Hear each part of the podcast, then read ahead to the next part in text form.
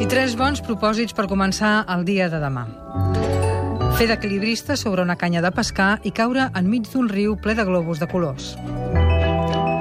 Escriure la biografia d'un nen de dos anys i redactar el natalici d'un avi de 90. Esmicular la pàgina del nostre llibre preferit i amagar-ne els papers entre pètals de flors.